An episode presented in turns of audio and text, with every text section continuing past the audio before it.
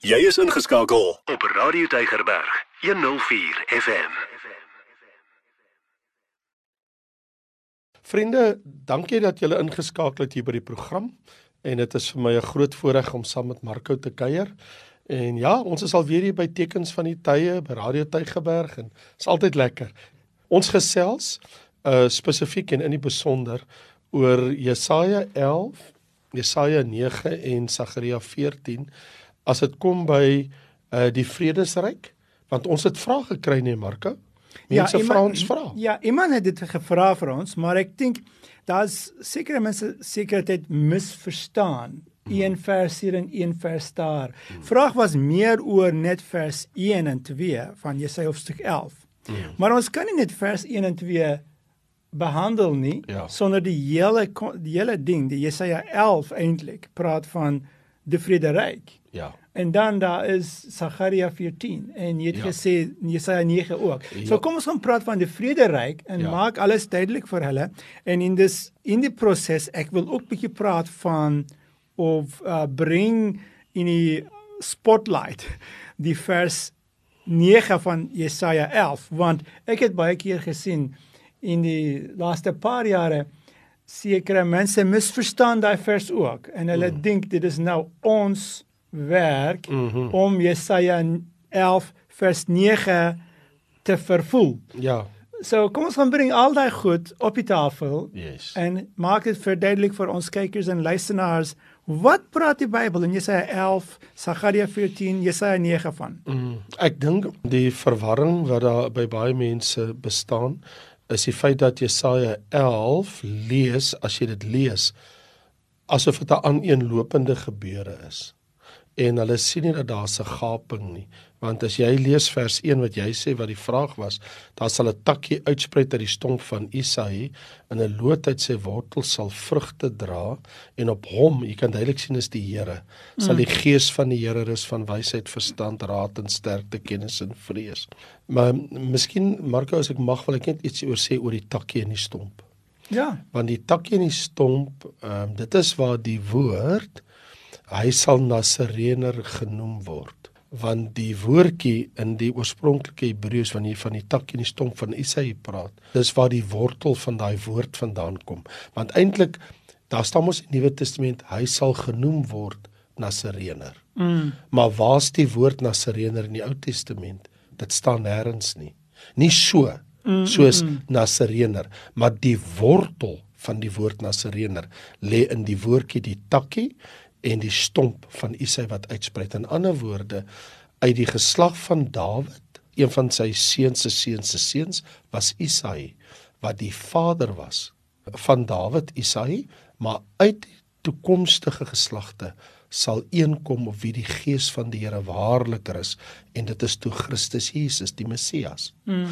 Maar dan so uit hierdie uit weet ons dat hy is die Nasareer. Maar die probleem wat ek net wil sê is as jy na die teks lees, dan lees ons in vers 6, dan wy die wolf by die lam en die luiperd lê by die bokkie, maar dit het nooit gebeur nie. Ja, presies net so. En nou um eintlik jy weet dit ek ek ons altyd doen dit met baie baie fantastiese manne en dienaars van die Here doen dieselfde ding. Ons vat nie net een vers ja. en bou 'n teologie ja. oor net een vers nie. Mm. Ons kyk die skrif in in die skrif sê as ons in Engels sê look at the context. Yes, konteks en, en verband, ja. Ja, en en wat sê die konteks? Wat is die konteks hier? Nou ja, dis dis 'n goeie ding om te kyk die een vers, maar moenie kyk daardie vers buite in die konteks nie. Net so, net so. So die antwoord wat ons aan vir daai persoon wil gee is dat die een wat kom, uh, wat die Nasarener is, want dit is Jesus en op hom rus die gees van die Here. Dit is waar die gees op hom neergedaal wat nog nie gebeur het nie. Daai deel is vervul, vers ja. 1 en 2. Maar wat nie vervul is nie, is vers 6 tot 9. Ja. Is nie vervul nie. Kan ek iets mm. sê daar? Alhoewel daai deel is vervul vir die wat glo in Jesus, vir ons, vir maar vir die Jode wat nog nie besef dat eintlik Jesus wat was op die kruis gesterf het. Sure was eintlik die man wat ons lees hier ja. gewees vir hulle hierdie is nog steeds as hulle hierdie lees die Joodse rabbis, yes. die Joodse kenners van die skrif, as hulle hierdie lees, wat verstaan hulle? Hulle verstaan en hulle nog steeds hou, hou op daardie of vashou aan daardie belofte van God dat daar gaan kom 'n dag en die Here God vir ons die koninkryk. Ja. Hierdie hierdie hele gedeelte van die skrif is eintlik van die perspektiewe van die Jode vandag mm. mm. is nog ander profesie. Ja, ander woorde dit is ja, in ander woorde is dis onvervuld. Dit is. Maar ons het net aan die begin van die program gesê vers 1 en 2 weet ons is reeds vervul. So ander woorde wat jy wil sê is vanuit die kerk se oogpunt, vanuit gelowiges se oogpunt, vanuit Nuwe Testamentiese gelowiges se oogpunt is vers 1 en 2 klaar vervul. Wat nie vervul is nie, is vers 6 tot 9. Ja. Want dit het te doen met die vrederyk wat jy net nou verwys het, met die duisend jaar vrederyk wat kom. Want ek bedoel as jy baie mooi lees vir 'n wolf om by 'n lam te wy, vir 'n luiperd om by 'n bokkie te gaan lê, vir 'n kalf en 'n jong leeu en die leeu eet strooi soos die os, moet die metabolisme van die diereryk verander. En dit mm. kan eers in die 1000 jaar vrederyk gebeur wat 'n letterlike koninkryk is en dit het nog nie gebeur nie. So hierdie is toekomstige profesie wat nog vervul moet word. Dit is verseker net so en ons daai het ook ook gaan verander. Ons gaan nie die beeste so baie geniet nie meer nie. Ja. ons gaan almal vegetarians wees. Maar uh saam met dit, um ek sal ook dit nog bring in nou dat ehm um, daar is mense vandag wat kom ons weer begin met die vers 1 en 2 wat is vervul vir ons as ons kan sien die vervulling van hierdie vers mm. en wat Jesus gedoen het in sy lewenstyd op die aarde. Yes, hulle begin daar. En en van daardie punt hulle loop nog bietjie vorentoe en hulle mm. sê, "Wel, dit is die ene vers 1 en 2 is klaar vervul." Dit beteken nou ons mag nie vleis eet nie. Mm. Dit beteken nou die vervulling van vers 6 vorentoe is ons verantwoordelikheid. Nou ek bring dit in want da, ek dink by jou kantoor jy ook kry verskillende tipe opinies en vrae ja, ja, van ja, van ja, mense wat ja. kom van verskillende perspektiewe maar kom um as as jy net dit mooi mooi baie baie verduidelik gemaak het hierdie hele teks praat van die vrederyk en vers 6 7 en 8 maak dit duidelik dat dit sal gebeur in die vrederyk maar vers 9 vir my is eintlik kyk in my Bybel vers 9 ek het onderkleur met mm. verskillende kleure mm -hmm. dit vir my is is is die hoe kan ek sê die amper soos 'n cornerstone van yes. hierdie argument hier. Yes. Want dit is wanneer die aarde sal vol wees van die kennis van die Here soos die waters die seebodem oordek. En dit is nie vandag so nie. Dit is nie. Nee, en dit kan eers wees in die duisend jaar vrederyk wanneer die duiwel nie meer hier is nie. En wanneer die skaapnasies op die aarde is. Maar ek wil sê vir die mense wat so ehm um, verskillende argumente het rondom dit as jy nie 'n uh, holistiese siening van die hele Bybel in konteks en verband, dan gaan jy sulke tekste uitmekaar uit wil ruk en uitmekaar haal en verkeerd interpreteer. As jy nie omgee nie, maar ons blaai net een bladsy terug. Mm. Na Jesaja 9. Wil ek iets mm, wys? Mm, mm, mm. Hoekom ek dit sê? As ek vir jou vra, dink jy vers 1 is vervul? Die volk wat in duisternis wandel het 'n groot lig gesien, die wat woonland van doodskar weer oor hulle te lig geskyn. Dink jy dit dit, dit is reeds vervul in Christus? Toe hy gekom het, is dit vervul? Net vir die ene wat wat kan sien hy is die Messias. Maar die maar die ska wat hoe mens hoe sê die mense meeste van die mense oor die wêreld populasie, ja, ja. dit is nie vervul. Ja, maar maar ek bedoel hierdie teks word deur Sagaria aangehaal in Lukas hoofstuk 1 dat sy seun Jesus Christus sal die opgaande lig, die een wat verskyn, mm. aan die wêreld bekendstel. Daar's die lam van God wat die sonde van die wêreld wegneem. En Jesaja het gesê Johannes die Doper se pa, sy seun sal wanneer hy kom, die wat in duisternis wandel, van hulle hulle sal 'n groot lig sien want Johannes gaan die lig in die wêreld voorstel en hy het dit gedoen. Dis die Christus. En as jy dink daar's oor die 2 miljard mense vandag wat Christen in die wêreld is en hoeveel miljoene het al geleef die afgelope 2000 jaar? So dis waar dat Israel het die lig gesien, Maar ek bedoel daar het duisende duisende mense tot bekering gekom. Ek bedoel as jy ons nou praat vandag al is blind, dis dis 'n ander saak 2000 jaar later. Maar hier's die ding. Vers 5 sê 'n kind is vir ons gebore, seun is vir ons gegee, die heerskappy is op sy skouer, hy gaan sit op die troon van Dawid. Nou, hierdie is 'n baie mooi vers eintlik vir die vir hierdie praat of of yes. gesprek. Gesprek. Halfte van die vers is klaar vervul. Presies. Maar die ander helft is nie. Presies. En hoekom nie? Die vrederyk nog nie is nie hier nie. En hoekom is die vrederyk nie hier nie? Dis nie die tyd nie. Maar hoekom is dit nie die tyd nie? Want hulle het die Christus gekruisig. Ja.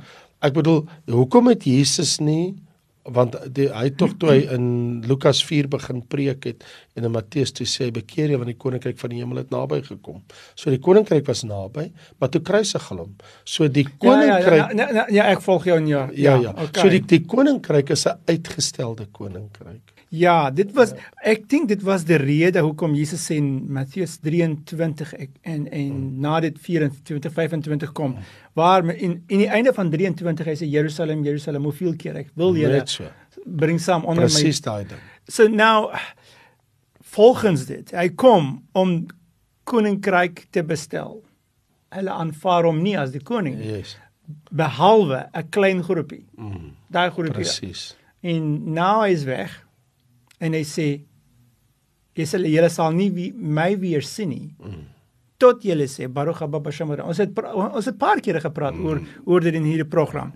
So um vir die wat daai programme gesien, jy gaan kyk asseblief in ons archives daar op ons YouTube kanale en jy gaan sien hierdie programme en hierdie wat beteken Baruch haba bashamar en hoekom is dit so belangrik? Hoekom het Jesus dit gesê het?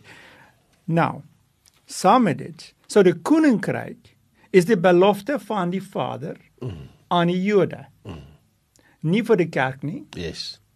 Dit is nie ons het ook gepraat ja, oor die ja. oor die boodskap van die koninkryk ja, en boodskap ja. van die ehm um, genade, maar hierdie hoofstuk 9 van Jesaja. Ja. Hoofstuk 11. Ja. Profeseer Eintlik dit is God se belofte aan die Jode. Yes. Ek sal vir julle 'n koninkryk ja. gee. So dit is 'n fisiese, aardse, politieke koninkryk wat nog nooit gerealiseer het nie.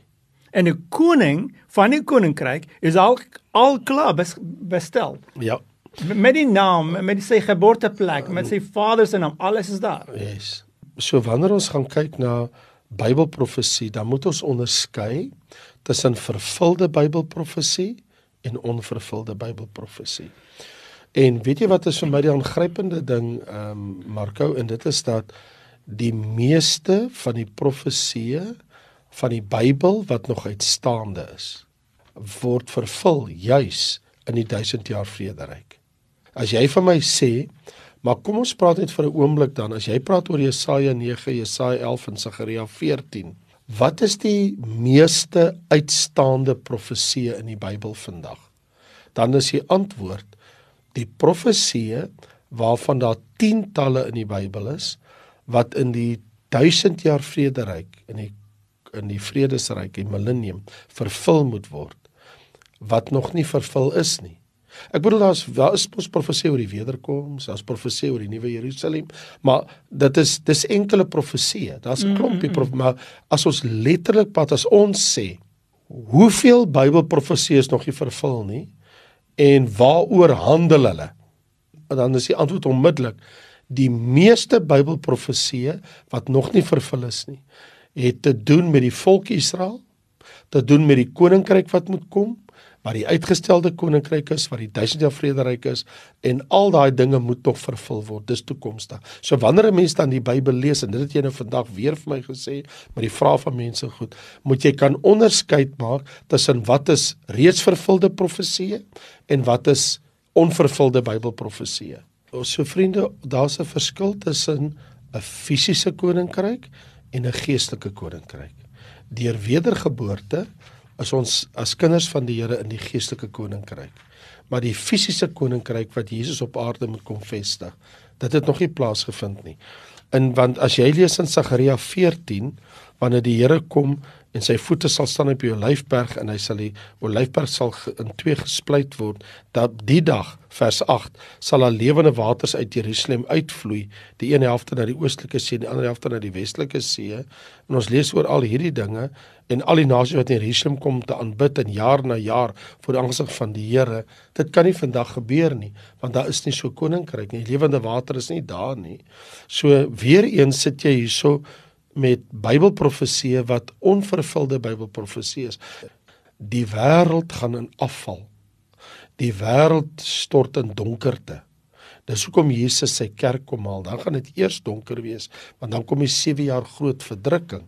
So, miskien is dit net belangrik dat ons net vir mense wat miskien oningelig is net sê As jy kyk na God se profetiese tydstyf want ons praat die hele tyd oor hierdie koninkryk ek wil hom net net sê vanuit ons perspektief vandag as ons praat van vervulde Bybelprofesie en onvervulde Bybelprofesie. Daar is Bybelprofesie van die wegraping van die kerk. Daar is Bybelprofesie van die sewer groot verdrukking, Openbaring 6 tot Openbaring 19. Die wegraping 1 Tessalonisense 4. Daar is Bybelprofesie oor die 1000 jaar vrederyk. So ons kan nie die tekste wat te doen het met 'n toekomstige Bybelprofesie op vandag van toepassing maak. Ek dink Marko ons grootste probleem is by onkunde van mense as dit kom oor Bybelprofesie. Dit is wat ek en jy die meeste mee te doen het. Hulle het 'n begeerte na Bybelprofesie, maar daar is ook 'n gewellige groot onkunde rondom Bybelprofesie. En ek dink die die grootste probleem vir my persoonlik al die jare. Ek bedoel ek werk ook al 42 jaar met wat ek in die bediening is met mense oor Bybelprofesie. En ek praat nie eers van vandat ek die Here ken nie. En as jy vir my vra wat was jou enkel grootste probleem omdat jy van tyd tot tyd verwys na mense wat jy weet hulle het nie die waarheid nie. Wat is die grootste probleem? Die grootste probleem lê vir my by die uitleg, die eksegese, die eksposisie korrek van Bybelprofesie. Mm, mm. Dit is maar eintlik waar die probleme oor die algemeen lê. Ja, dis ek stem saam met jou. En en dis daar na na hierdie COVID drama en al daai goed. Ja. Elke tweede persoon is nou 'n Bybelprofesie kenner. Ja, I'm telling you. Elke tweede pastoor, elke tweede kind en groot mens ja. is nou 'n ja. kenner van Bybelprofesie ja. in, in Facebooks en YouTubes ja. en radioprogramme ja, ook ja, ja. vol van dit. Elke nou en dan kyk ek ek kyk nie baie ander mense se goed nie. Ek het nie tyd ja, vir dit nie. Precies. Ek werk baie hard en die Here hom my besig. Prys die Here vir dit. Absoluut. En nou, maar elke nou en dan. Ja. Mense mense probeer altyd ek dink dis dieselfde met jou. Probeer om te steur vir ons al daai WhatsApp video's en al daai goed. Ja, ja, ja. Elke nou en dan ek kyk wat wat praat hierdie persoon van.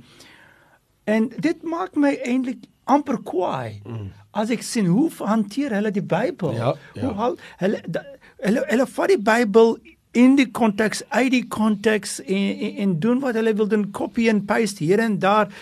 En nou ons het gepraat bietjie van hierdie hierdie teologie van kingdom now theology.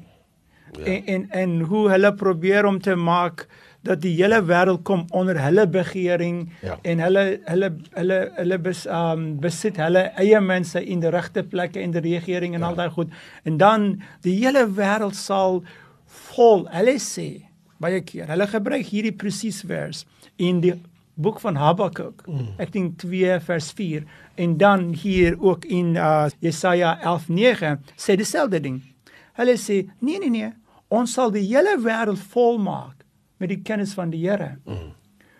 Maar die probleem is die ding die, die Bybel sê nie dit nie.